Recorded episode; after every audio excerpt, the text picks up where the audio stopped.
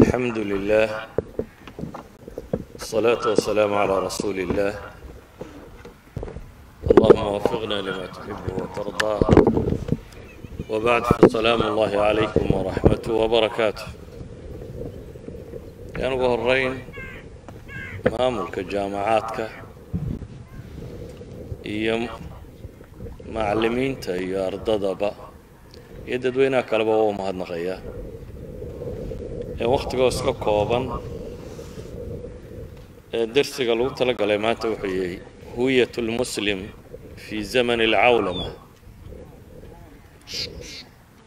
qofka muslimkaa baadisoociisa ama aqoonsigiisa ama sumaddiisa wakhtigan cawlamadu globalization wakhtiga kan dunidu isu furantay ee midka qura noqotay erayga alhuwiya fi luga alcarabiya min huwa baa laga soo qaaday. Waa masder ama isim mansuub u ah ilaa huwa bay yidhaahdaan. Waa masder sanaaciya. Waxaa looga dan leeyuun xaqiiqatu shay. Fi cilmi alfalsafana alhuwiya waxay ku tilmaamaan xaqiiqatu shay aw ashaks alatii tumayizu can gayrih shayga daatadiisa ama xaqiiqadiisa ama qofka bini aadamka ah waxa gaar ka yeela. Marka markay huwiyada sharxayaan marna waxaa la sharxaa qof huwiyadii oo waxaa la isweydiiyaa qofkan bini aadamka ah maxaa dadka inta kale ka sooca? Maalan waraaqaan yaryar aqoonsigaynu sidanaa. Waxaa loogu talagalay toddobada bilyan ee dunida ku nool in lagaa dhex garto toddobada bilyan ee bini aadamka ee dunida ku nool wax kula aidiya inaanay jirin. Basamaadkaaga inuu wato. Suulkaaga saxeexaaga ama indhahaaga ama waxuunaad kaga soocantahay aadanaha intiisa kale. Marka wuxuu sheegayaa manant kumaad tahay. Marna waxay ka warramaan alhuwiya alijtimaaciya bulsho. Waxay kaga soocantahay bulshooyinka kale dad meel dega ama degaan leh ama mabaadi' leh maxay kaga gedisan yihiin dunida inteeda kale? Bulsho ahaan qoomiyad ahaan dhaqan ahaan diin ahaan luqa ahaan akhlaaq ahaan values ahaan iyo qiyamkaay leeyihiin maxay kaga soocan yihiin dunida inteeda kale? Sidaa awgeed bay ummad waliba waxay aada uga fakertaa oo la yidhaahdaa manaahijta tacliimigii waxyaabahay u unkantay ka mid ah. Cilmiga qura uma unkane waxay u unkantee labaad oo loo sameeyey inay bulshadaa huwiyadeeda ilaaliso. Bulshadaa dadnimadeeda iyo aqoonsigeeda iyo waxay dunida gaar kaga tahay inay u ilaaliso si ay uma jirto u noqoto. Marka ziyaadat alwac alwacyu bidaat in la kobciyo dadku inuu daatadiisa garan karo inuu garan karo wuxuu bulshaadka kale kaga soocan yahay. Marka kaasi waa huwiyat lmuslim zaman alcawlama markaynu u jeedno ama casri alcawlama la yidhaahdo cawlamadu waa erayadan cusub ee dib laga isticmaalay waa globalization. Globalizationkaasi waxay ku sheegaan inuu yahay waa xoriyat almaali walbadaa'ici walnaasi walafkaar bay yidhaahdaan xoriya xarakat almaal waa in dunida lacagtu socon karto oo laysu gudbin karo oo aanay quyuud xidhaysaa jirin. Badaa'icda iyo productionka bini aadamku soo saara in laysu gudbin karo. Aadanaha laftiisu inuu isu gudbi karo. Afkaartuna inay isu gudbi karto. Si kale haddaynu u tilmaamno waxay u fakerayaan in xuduudda laga tallaabo inay lunto waxaan la yidhaahdo sovereignity-ga ama siyaadaadka waddannadu leeyihiin taa macnaheedu waxa weeyaan dunidoo dhan in laysu furo. Inkastoo bay leeyihiin inay si cadaalada isugu furmin. Waayo dunida badhna duwalka waa maraakisi waa maraakisti ama waa santarka dunida laga xukumo. Dadna waa atraafta dacallada preferals waa hareeraha dadka degan waxaan xorriyadda la siiyey waxaan odhan karnaa xaqiiqatan. Waa dadka centerka degan inay dunida say doonaan u isticmaali karaan. Ama dadka briferalska hareeraha degani iyaga aragtiyahooda waa la tashwiihiyaa oo iclaamka dunida dad baa gacanta ku haya. Badaa'icdooda waa la mamnuucaa productionka ay soo saaraan oo qaanuun iyo macaayiir ay dejisteen. Iyo nidaamka suuqa xorta ah intuba dacafada uma naxdo waa ka soo hor sidaa awgeed bini aadamka socodkiisa qawaaniin alhijra alintiqaa'iya bay yidhaahdaan. Waxaa lagu xukumaa qawaaniinta loo dejistay soo gallootiga oo ah mid doorasho leh. Maalan afrika sanad walba waxay dhahaan labaatan kun oo aqoon-yahan bay ka qaataan. Hadhowna aqoon-yahanada afrika ay u baahan tahay intaa dib waxoogaa loogu keenaa afar bilyan sanad kasta lagaga qaadaa kuwoodana bilaash baa lagu qaataa. Waa qawaaniin saarim oo aan la ogolayn cid waliba inay soo gasho. Iyagu markaa globalizationku iyagu dan u dhankooda marka laga eego badaa'icdooda maalkooda dadkooda iyo afkaartooduba dunida way maanshaysay ama dunida inta kale waa marti.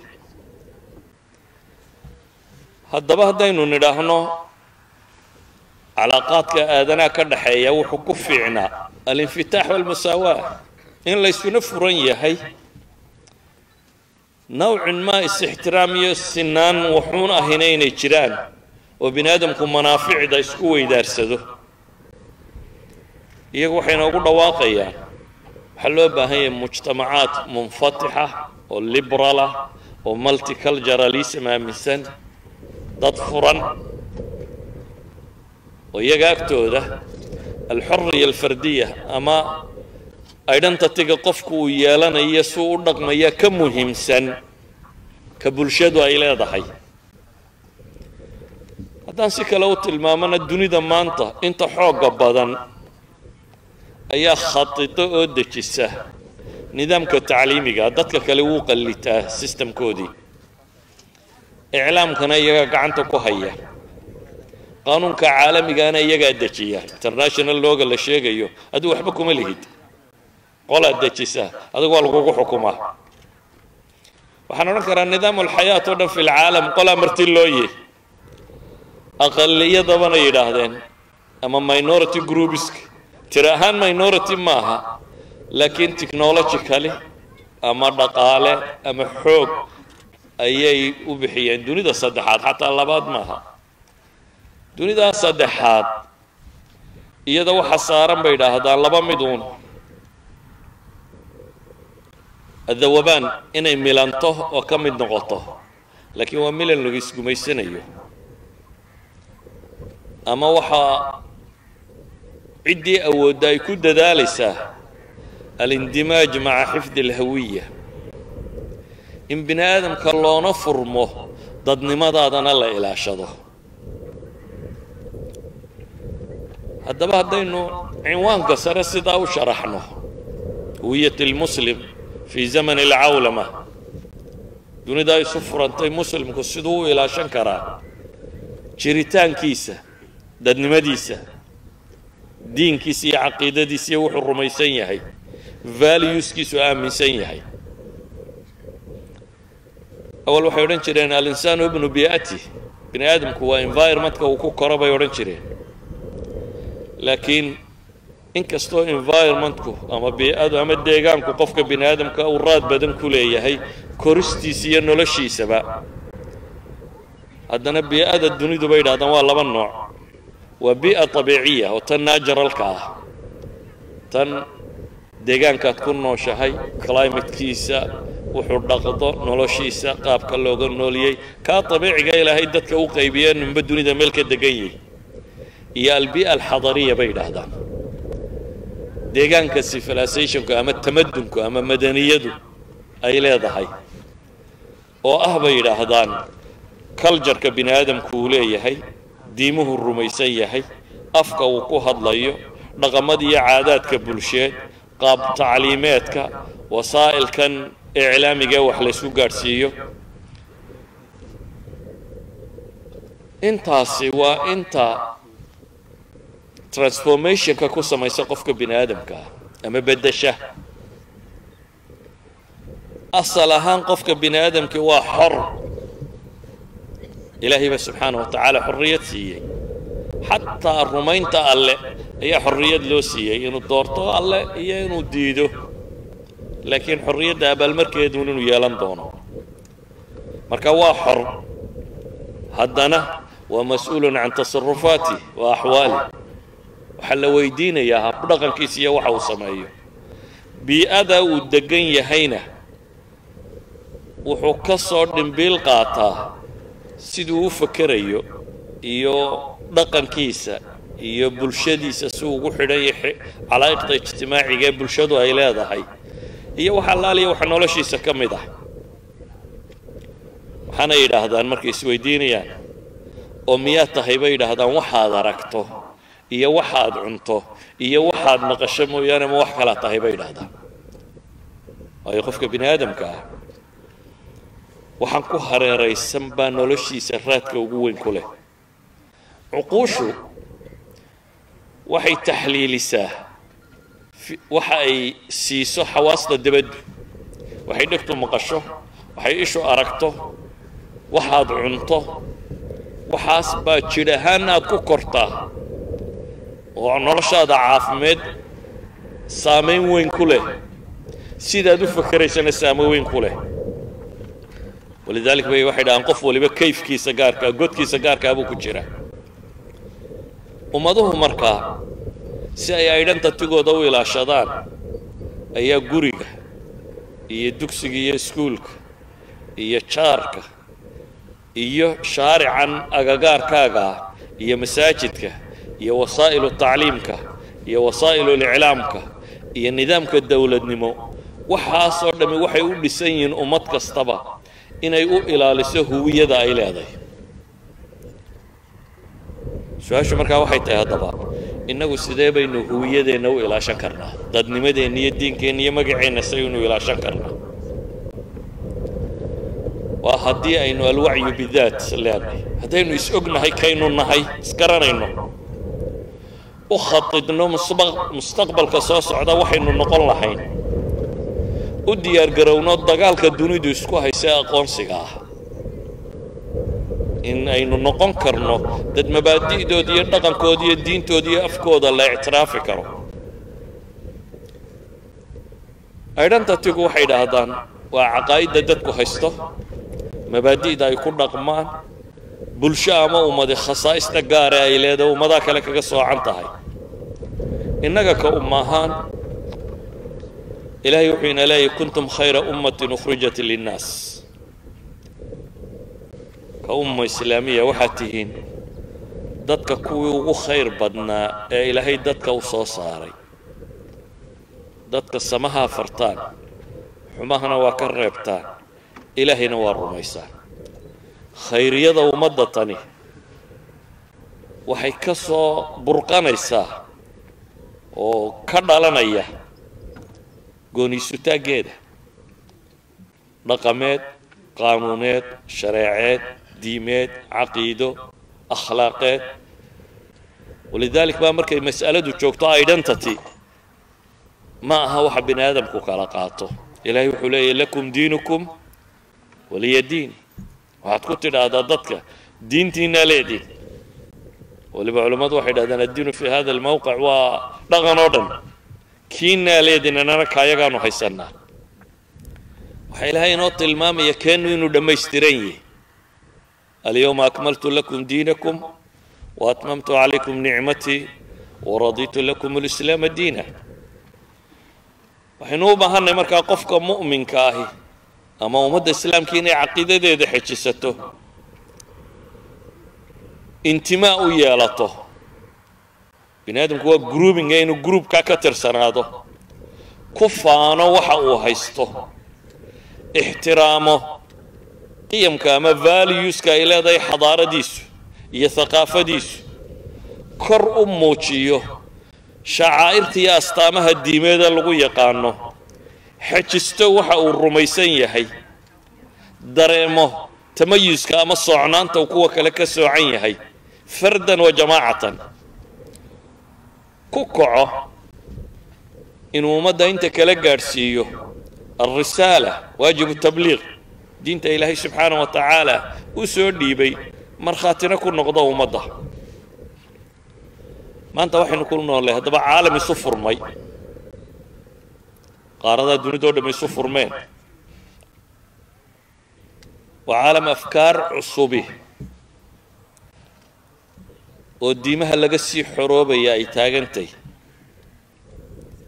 Waxaa loo arkaa qadaayaadka valueska iyo akhlaaqiyaadku inay nisbi yihiin. Awal bini aadamku wuxuu rumaysanaa. Qiyamku caalamiga ahi inuu haabitna yahay wax suganna yahay caalamina yahay. Kuwani waxay ku dhawaaqayaan. Waa wax nisbiya ma aha wax universal ah. Waa aragtiyo ku koraya meelo ama xaadinaad.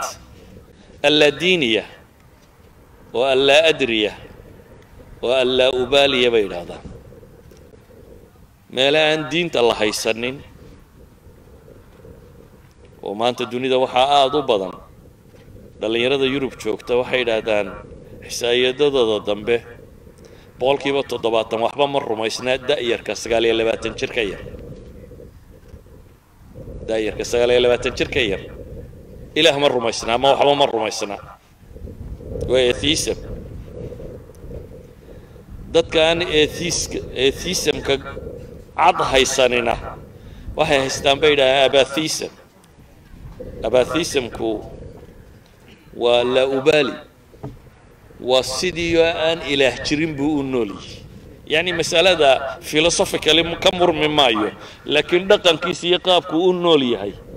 Waa qaab aan diini ka jirin. Qaarkood waa agnostics waa laa adri kuwii hore waxay lahayn ilaah ma jiro. Kuwani waxay leeyiin inuu jiro iyo inaanu jirinba ma ogin. Inuu jirana garan mayno inaanu jirinna garan mayno. Qaarkood waa skabtiis waa mutashakikiin qaarkood waxay aaminsan yihiin oo filosofriskoodii waaweyna ka mid bantheism waa waxdat alwujuud. Ilaah iyo kownku inay isku mid yihiin. Afkaartani weligeedba dunida way soo joogtay ma cusba. Laakiin waagii hore waxay ahaan jirtay goobaha falsafadda iyo dadyow filosofara iyo dad farakutira farakutirsi ahi waxay rumaysan yihiin. Laakiin maanta waxay taa kaga gadisantahay afkaartu ma cusba laakiin maanta waxay isu beddeshay inay diin caalamiya laga dhigo. Waxay tii hore kaga gadisantahay awalba falsafadda waa lagu dhigan jiray taariikhda taarikhul waa lagu arki jiray taarikhul falsafana waa lagu arki jiray. Laakiin waxay hadda kaga gadisantahay waxaa loo beddelay umamka oo dhan in laga simo.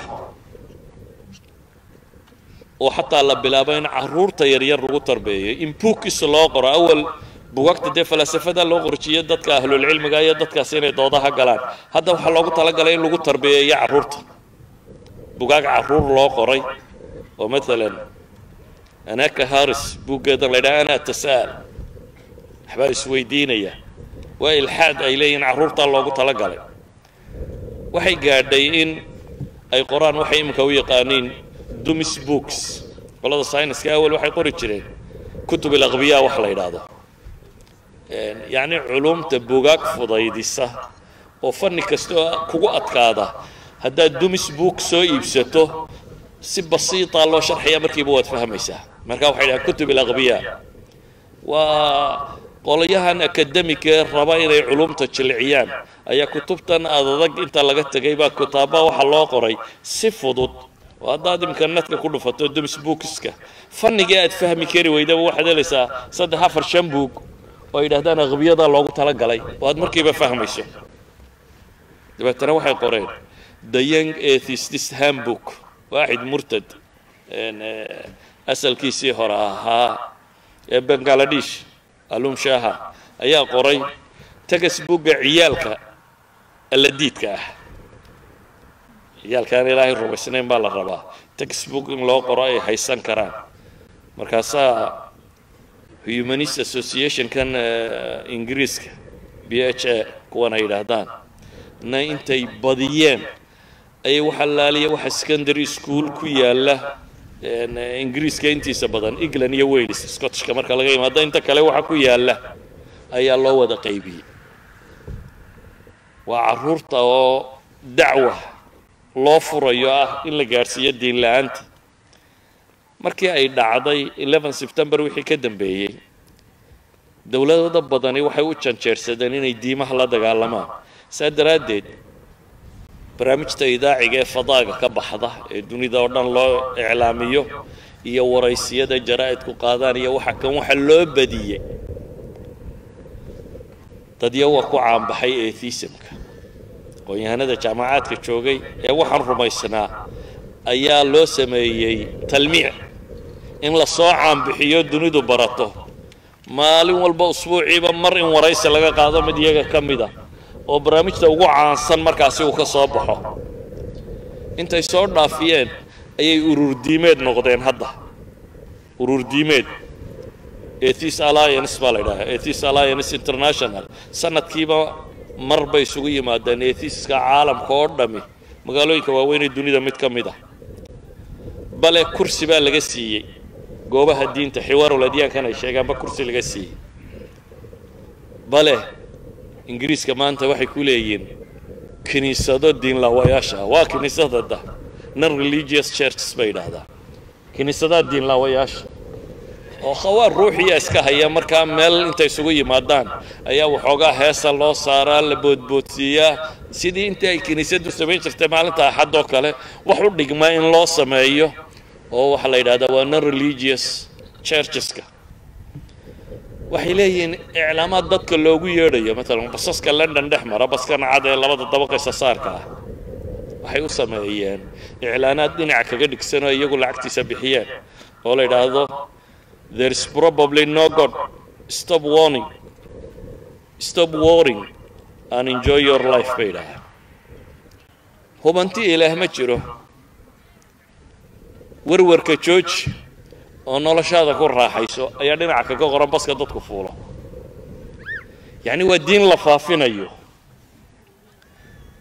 Waxaan weedhaha kan idinku tilmaamaya waxa weeyaan caalamka duulaan xooggan baa ka jira oo diin ah ilxaadi oo la faafinayo oo da'yarka iyo dadka akademiga iyo dadka soo socda lagu faafinayo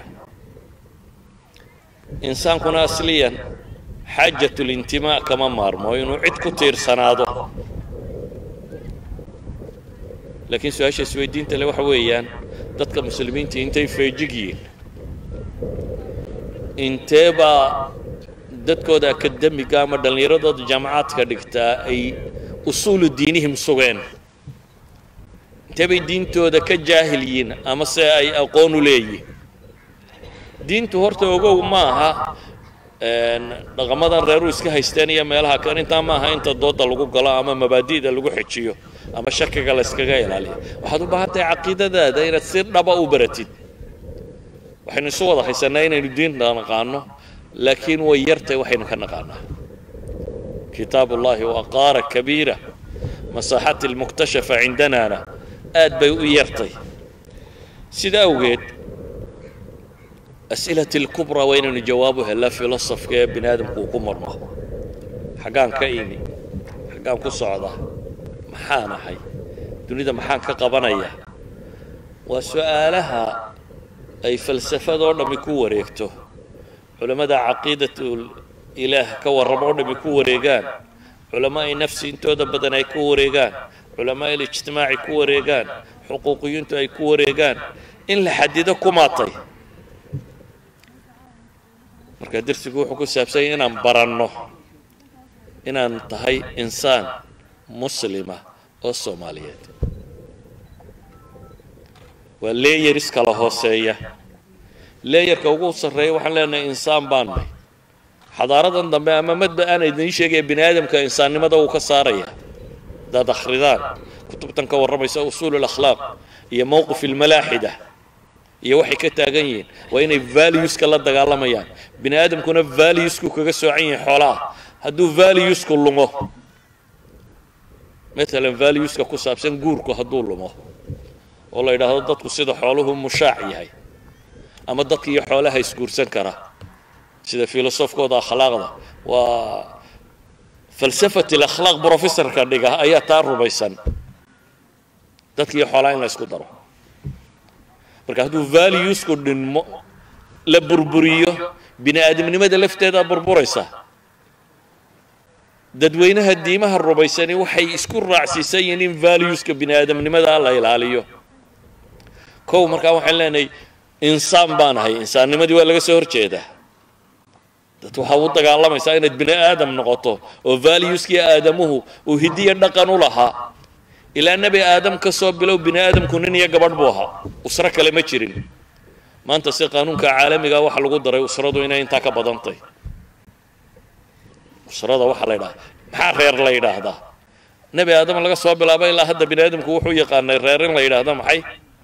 Nin iyo gabadh. Socankaa maaha. Haddase united nationku wuxuu qoray iyo waxa dunida lagu faafinayo iyo dowlado badanoo dunida ka midi waxay qirteen waxa weeyaan reerku inuu intaa ka badan yahay laba nin baa reera laba dumaraa reera dad iyo xoolaa reera. Wixii la doonaa reera hadda. Wixii la doonaa reera. Idan waa valuegii bini aadamnimada oo laga tegay. Diin weli maynan ka hadal. Waa valuegii insaaniga ahaa ee abbin can jaddin aadamaha inta taariikhdiisa la hayo lagu hayay oo la tilmaamayo inuu qaldan yahay. Marka waxaan leenahay insaannimo bini aadamnimo identity abaa dunidu u dagaalamaysaa hadda. Mar labaad gruubkaa insaannimada aqbalay waxaan kaga gedisanay inaanu muslimnay. Inaan ilaah rumaysannay oo aakhiro rumaysannay oo rusul rumaysannay oo kutub rumaysannay oo alqadaa walqadar rumaysannay kuwa rumayntooduna adilo caqliya iyo cilmiya bay u baahan yihiin. Awal waxaad ku noolayd meel dadka kula jooga o dham islaam yihiin. Waxaad ku noolayd meel su'aasha ah ilaahay ma jiraa mise ma jiraan cidiba isweydiin. Ee dadku ku wada qanacsanya in ilaahay jiro. Meelaan su'aasha ah la isweydiinin ilaahay rusul ma soo diraa mise ma soo diro? In rusul ilaahay soo diri jiray ay jirto baad rumaysnay meel baad ku noolayd aakhiro aanay questionable ahayn. Meel baad ku noolayd ahayd maxay? Kutubta in ilaahay soo diray iminka kulluhaa calaamatu su'aal baa taagan. Waxaana taaganaya dunida isu furantay. Iyo dadyawga mabaadi'dan qaatay oo diin ah oo faafinaya. Oo idaacada leh oo tv-ya leh oo academic schools leh oo wax walba leh oo dowlado waaweynina ay taageerayaan. Dowlado waaweynina ay taageerayaan.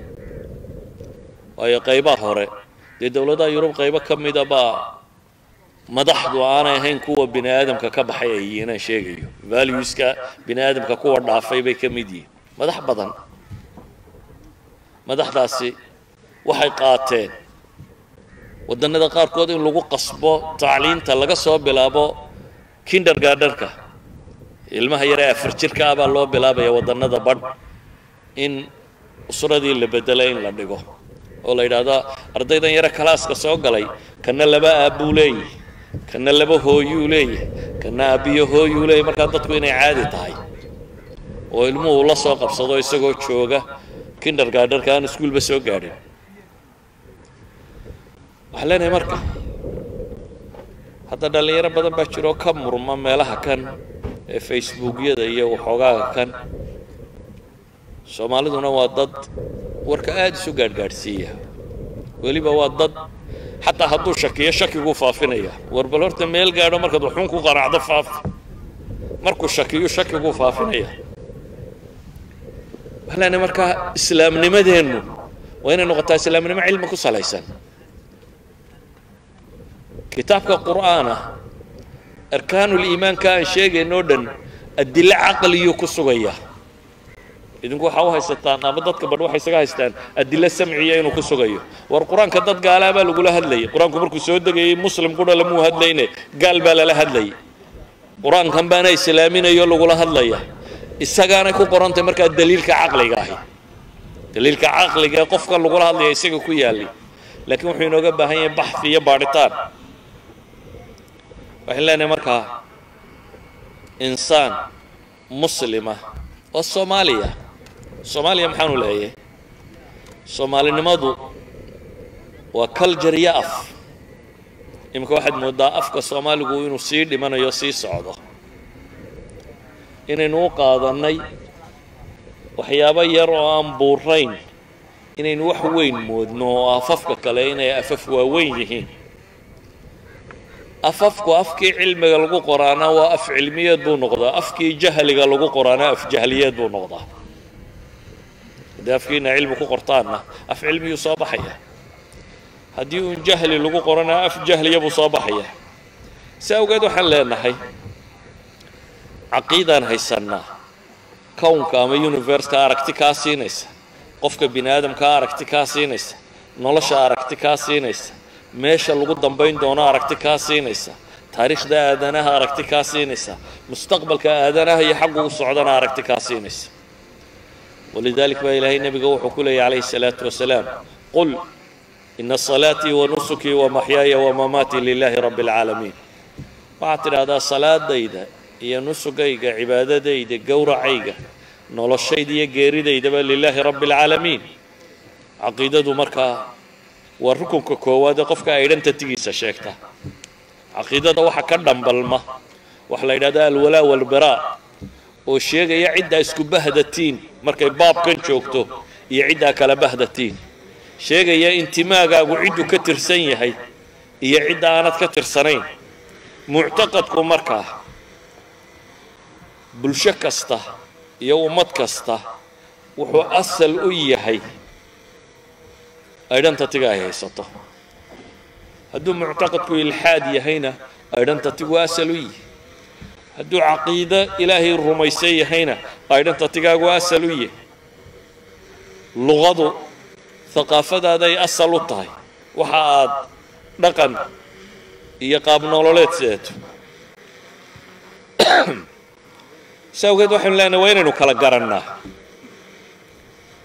Maxaa bini aadamku wadaagaa oo u kala qaataa. Maxaanse la wadaagin? Dadka aan haysanin mawaasiinta wax lagu qiyaasaa. Waxay moodaan ninkii ka technology sarreeyaa wax walba inuu ka sarreeyo. Mar hadduu technology sare leeyahay inuu wax walba haysto waxna kama jiraan. Technologygu noloshuu fudaydiyaa qofka bini aadamkaa noloshiisuu fudaydiyaa laakiin qofka bini aadamkaa siduu u fakerayo iyo wuxuu rumaysan yahay iyo qalbigiisa waxa ku jira waxba kama taro. Walidaalik dadka jabaa haqaafatu lghaalib bay qaataan. Ninka xoog badan le haqaafadiisa iska qaataan. Laakiin dadka mawaasiinta haysta saxaabadii nebi moxamed calayhi salaatu wasalaam baadiyay ku koreen meel aan waxba oolin bay joogeen cilmi hore may haysanin laakiin caqiidaiyo diin bay aamineen caqiidaiyo diintaasi waxay ka dhigtay inay isu arkaan asaatidat alcaalam inay yihiin. Waayo risaalatu samaa waxyu samaa. Aqoonta waxaa la yidhahdaa waa laba waxa bay yidhaahdaan. Waa aqoonta cirka ka soo degtay ambiyada loo soo sheego iyo aqoonta ku saabsan kownkan daraasayntiisa ama in bini aadam hala daraaseeyo ama maadada hala daraaseeye kownka daraasayntiisa. Ta samada ka timaada gaf ma leh. Inaad adigu si qaldan u fahamta mooyaane. Ta dunida ka timaadaase waa tryan iran waa wax la tijaabiyo o la qaldamo la tijaabiyo o la saxo waxa dunida aadanuhu sameeyaa waa waxa la kala dhaxlo. Oo midba mid bay ku dul dhisantay.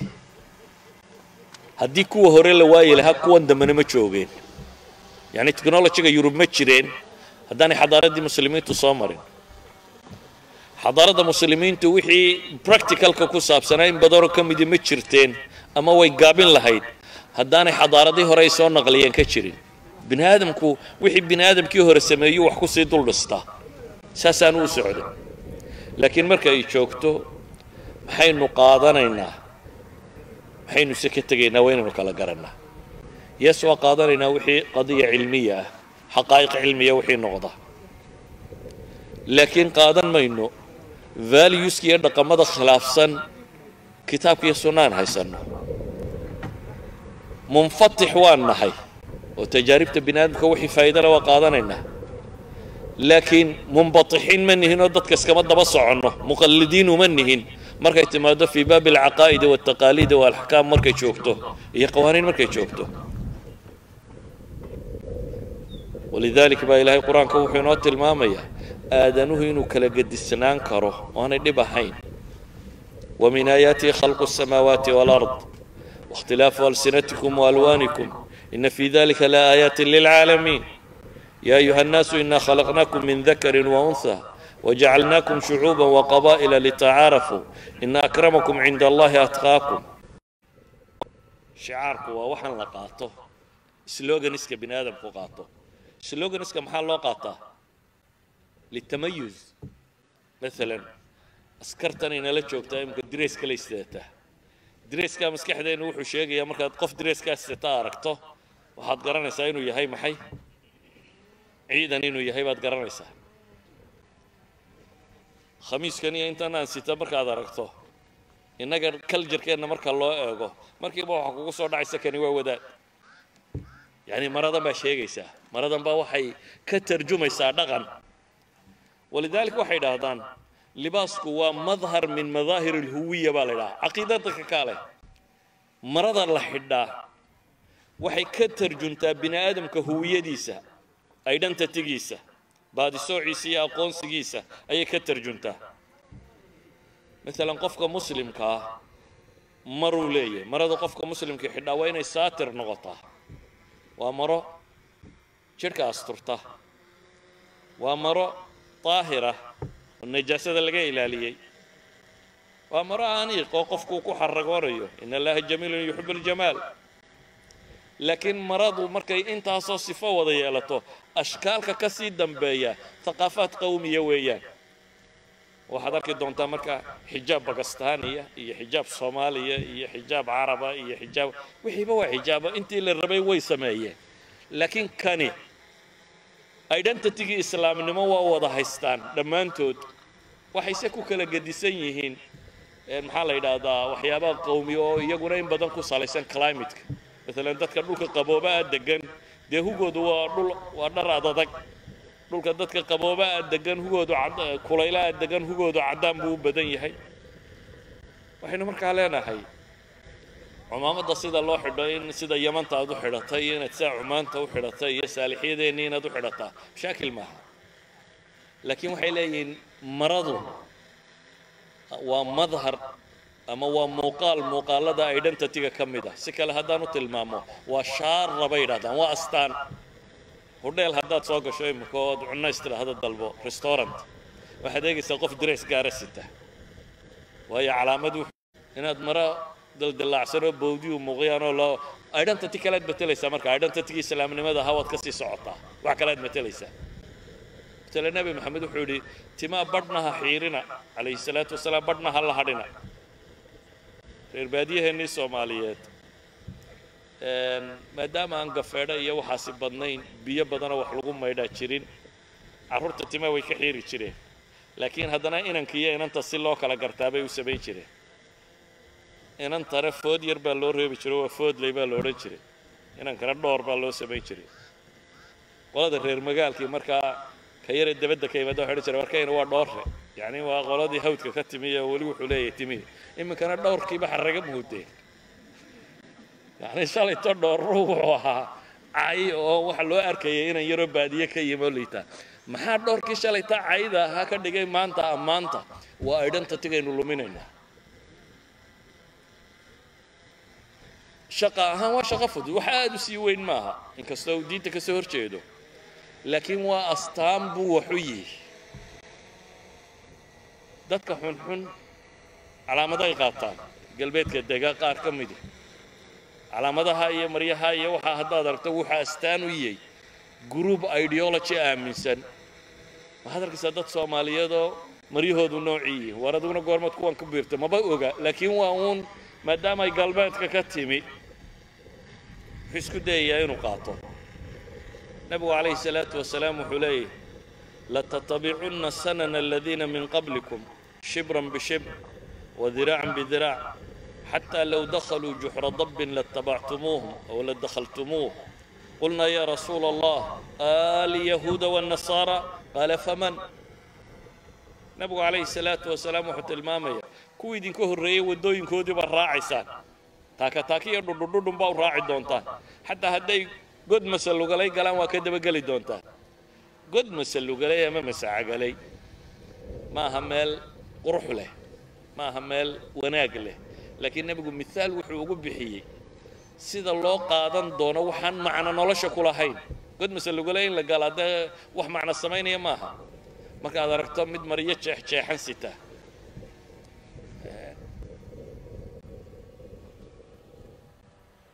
Sheekh cabdirashiid cali suufiyo muxaadaro akhrinaya wiil soomaaliyeed oo yurubka surwaal jeexjeexan sita isa soo taagay. Oo markaa raba inuu wax weydiiyo.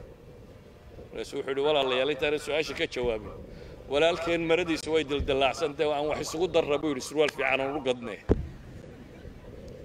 runtii waa caqliga soomaaliga isuu sheegayo. Waayo maradaadii intaad bawdada ka soo dildillaaciso oo cawradaada muujiso inaad haddana ku xaragootaa aydhanta tigaagii baad loosgaraysay weeyaan. Mara dildillaacsan qofkuu qaadan karaa. Halka kan markaynu joogno dadka waalan astaan baynu ku naqaanaa. Haddaad aragto maryo dildillaacsan nin sita oo timo raama leh timihiisu raamaysteen oo meel fadhiya waxaad garanaysaa nin maanka lagaga jira inuu yahay. Waxaanad u arkaysaa waxun laakiin markaad aydhanta tiga lumiso ee aad wax walba raacayso tv-gu maad ka arkaysaa mid raama leh oo maryaa dildillaacsaday oo boodboodayo oo laleeyahy waa xidigii kubadda cagta ama waa heesaagii hebel ahaa ama waa bob marley ama waa kan waa michael waa wax qariiba dee intii baad adna ku dayanaysa. Beri baa magaalan tegey dabeetana niman dhallinyaraa baan waxoogaa u akhriyey markaa michael jackson uu dunida calanka u heesaha michael jackson baa wuxuu soo xidhay surwaal bowdadiyo inta tan jidhka ka balaqbalaqsan oo aada u ballaadhan canqawgana kor uga qaadan oo sunnada waafaqsan intan aynu u tolan lahayn malaa duniduna markaa waxay qaadan jirtay surwaal dheeroo dhulka jiitamaya. Surwaalkii xidhay kaasoo arkay anigoo eegayo sheekh waa mooda maca sunna buu yidhi. Markii hore sunnada lama qaadanaynin laakiin markuu michael xidhay ayay noqotay mooda maca sunna yacni waxaan uga dan leeyahay qadiyadda jirtaa waxay tahay. Huyada qofku hadduu lumiyo si fudud buu markaasi uu u milmayaa waad milmaysaa huwiyadan rabnaa waa maxay aada lumisay? Waa alictizaazu bidiinik wa bicaqiidatik wa bimabaadi'ik wa bilkitaabi wasunna waa inaad ku faanto oo muujisatid inaad muslim tahay ilaahay muxuu leeyahy waman axsanu qawla miman dacaa ila allahi wacamila صaalixan waqaala inanii min almuslimiin yaa ka war fiican baa ilahay idhi ka dadka diinta ugu yeedha ee isaguna dhaqanka wanaagsan ee ku faane ee ku biire ee leh war hoy anigu muslimkaan ka mid ahay ku dhawaaqaya. Yactazu bidiini. Ictizaaz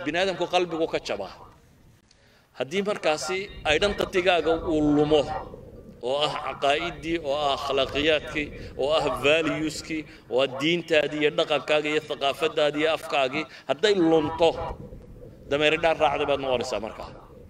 Waxaad aragtaba cid ku dayataad arki doontaa markaasoo ilbaxnimada u haysata. Oo kule waa modernization waa xadaatha waa maxaa la yidhahaa casraaniya. Adigu wakhtiga lama socotid wadaad waxaad joogtaa qarnigii afar iyo tobnaad baad adigu noosha qarnigii afar iyo tobnaad ceeb maaha. Ee waxaa ceeb ah dadku inuu dadnimada iyo bini aadamnimada ka lumo. Qarnigii afar iyo tobnaad hortiina dad fiican baa noolaan jiray. Kuwa dambena dad fiican baa zamanku ma aha ee waa bini aadamka iyo valuesku haysto. Bini aadamka iyo valueska uu haysto weeyaan. Caalamku maanta wuxuu xidhxidhan yahay dad badan inay dadka diinta ka saaraan. Ilahayna qur'aankiisa wuxuu ku leeyahy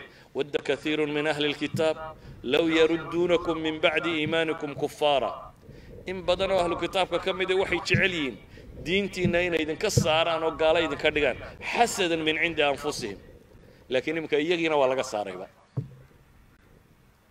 nin sheekho soomaaliyeed oo jaamacadka reer galbeedka joogaa wuxuu yidhi jaamacadda markaan soo galo oday kristanaa jooga buu yidhi odaygaa sidaan walaalanaan laabtaysa saaraa buu yidhi waayo inta kale brofesoradu ilaahayba ma rumaysna buu yidhi marka kanu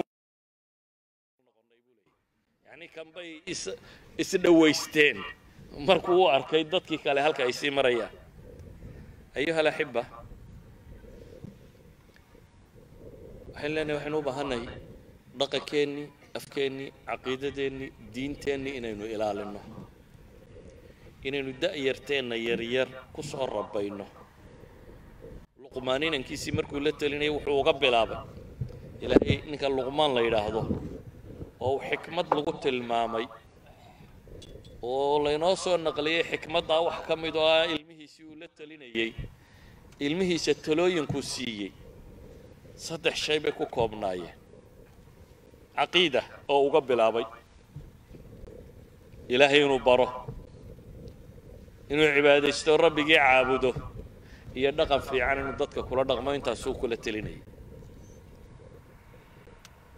وإذ قال لقمان لابنه وهو يعظه يا بني لا تشرك بالله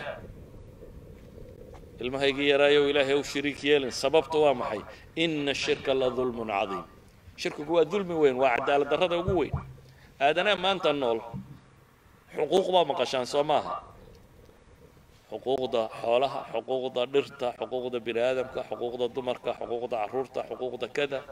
Wax xuquuqda ilaahay ka warramaya ma aragteen. Mise makhluuqaadkunbaa xuquuq le ilaahay xaq ma leh. Ilaahay baa ugu xaq weyn xaqiisuna waa in la caabudo. Sidaa awgeed buu luqmaan wuxuu uga bilaabay ilmihiisii inuu caqiidada u saxo. Uu u sheegana xaqa ilaahay inuu yahay in la caabudo oo u sheegay inay dulmi taho ilaahay xaqiisa la dulminayo in loo shariik yeelaa dabeetana wuu u sii tilmaamay. Marka waxaan leenahay laga soo bilaabo ilmaha yar ilaa iyo inta waxbarasha socoto asalka waxbarashadu waa in huwiyada mujtamaca la sugo. Dunida wasaaradaha waxbarashada shaqada koowaad ay qabtaan waa maxay waa ummadda huwiyadeeda inay ilaaliso kadib inay tacliinka ugu darto. Inta badan jaamacaadka loogu talagalaa cilmiga iyo baxdiga iyo waxbarashada rasmiga. Tani waa training hoose oo bulsho wax wada akhrido bulshada ka tirsan in la soo saaro ayay tacliintan hoose oo dhammi tahay. Laakiin muhimadda koowaad ee waxaasoo dhan ka weyni waa inay bulshada identitygeeda ilaaliso ummadaha haddii ay homogeneous group noqdaan dad afkaarta iyo dhaqanka iyo caqaa'idda isku waafaqsan maamulkoodu wuu fududaadaa. Haddii uu khalkhalku tiro batana ummadda waxa adkaata sidaa loo maamulo. Soomaali waxay idin maamulkeedu fududaado laakiin laba mushkiloo yaryar yaryar oo ay leeyihiin baa weli loo taaglaayay mushkiladda qabiilka ku saabsan iyo mushkiladdan faqriga iyo balwadda ishuwan ku saabsan. Waa labada mushkiladood soomaalida mushkiladooda wixii intaa ka sarreeya waa jahli waa aqoon darro. Aynu dunida sida wax loo noqdana aynan aqoonin haddii la murmo sida loo xallilana aynan aqoonin xabad mooyaane. Waxaan u malaynayaa wakhtigu inuu iska gebagabayey mala salaadkiina soo dhowiyey waxaan isku dayayaa inaan iska kooboo ah dunidu maanta way isu furantay nin walibana ceesaantii buu ceel keenay. Cid waliba inay afkaarteeda faafisaabay ku tala gashay. Cid waliba miisaaniyad iyo akademiyo iyo aqoon-yahano iyo waxbay u diyaarsadeen waxooda inay wadaan. Innaguse waxaad mooddaa inaynu dayacannay. Waa caalamulislaami kow ciddii maamulaysa iyadu waxay rumaysnayd bay la dagaalantaa caalamulislaami dowladaha ka jira waxa koowaad cadowga koowaad diintay u arkaan. Cadowgooda koowaad diin bay u arkaan. Aqoon-yahankoodana xabsigay ku hubiyaan. Oo dadka uguba dunida kale mujrimkaa la xidhaa. Caalamulislaamigana aqoon-yahankaa la xidhaa. Inta wax garanaysunbaa xabsiga lagu guraa. Ummad mujrimkana sii daysa inta wax garanaysana xidhaa. Dee waa ummad meelaan dhoweyn ku socota. Marka waxaan idiin soo jeedinaya waxa weeyaan waddankan aynu degannahay idinka u aqoon-yahanoo dadkii u soo baxayaya haddii idinka identitygiinuba uu labaclabac yahay mustaqbalka waddankani waa madow. Haddaa idinku dad sugban noqotaan barritaa ummadda inta kalena sugi karaysaan inaad sugantaan waxay u baahan tahay inaad diintiina barataan inaad culturekiina barataan inaad afkiina barataan inaad ku faantaan inferiority complex inaad ka qaadin waxaad rumaysantay. Wax la qariyo maaha. Wax la qariyo. Saxaabi baadiye ka yimi ayaa boqorkii bershiya markuu yidhi maxaa u soo baxdeen?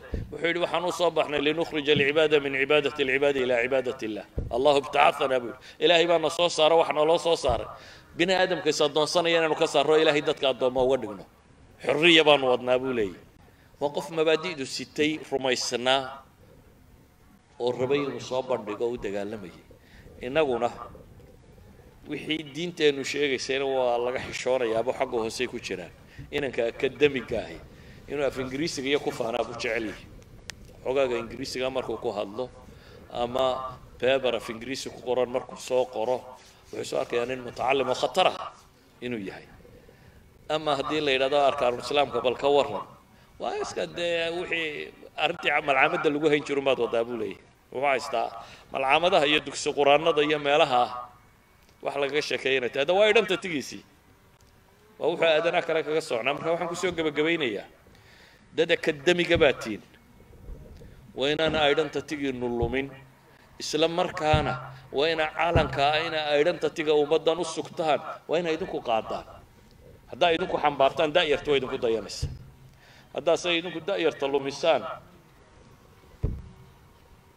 dee ummadda tan ilaahay bay leedahay subxaana wa tacaala وآخر دعوانا أن الحمد لله رب العالمين وصلى اللهم على نبينا محمد وعلى آله وصحبه وسلم والحمد لله رب العالمين آه بسم الله الرحمن الرحيم جزاكم الله خيرا شيخ مصطفى آه حقيقة waxaa waa mowduuc maanta haddee malaha da'yartu uba baahnayd iyo dadka aqoon-yahankaahi waan fadhinaynaa daqiiqad. Waxaana ka koowaad bay cilaaminayaa waxaa inoo hartay kulankii labaad oo inoo dhici doonaa berri galab iyo barta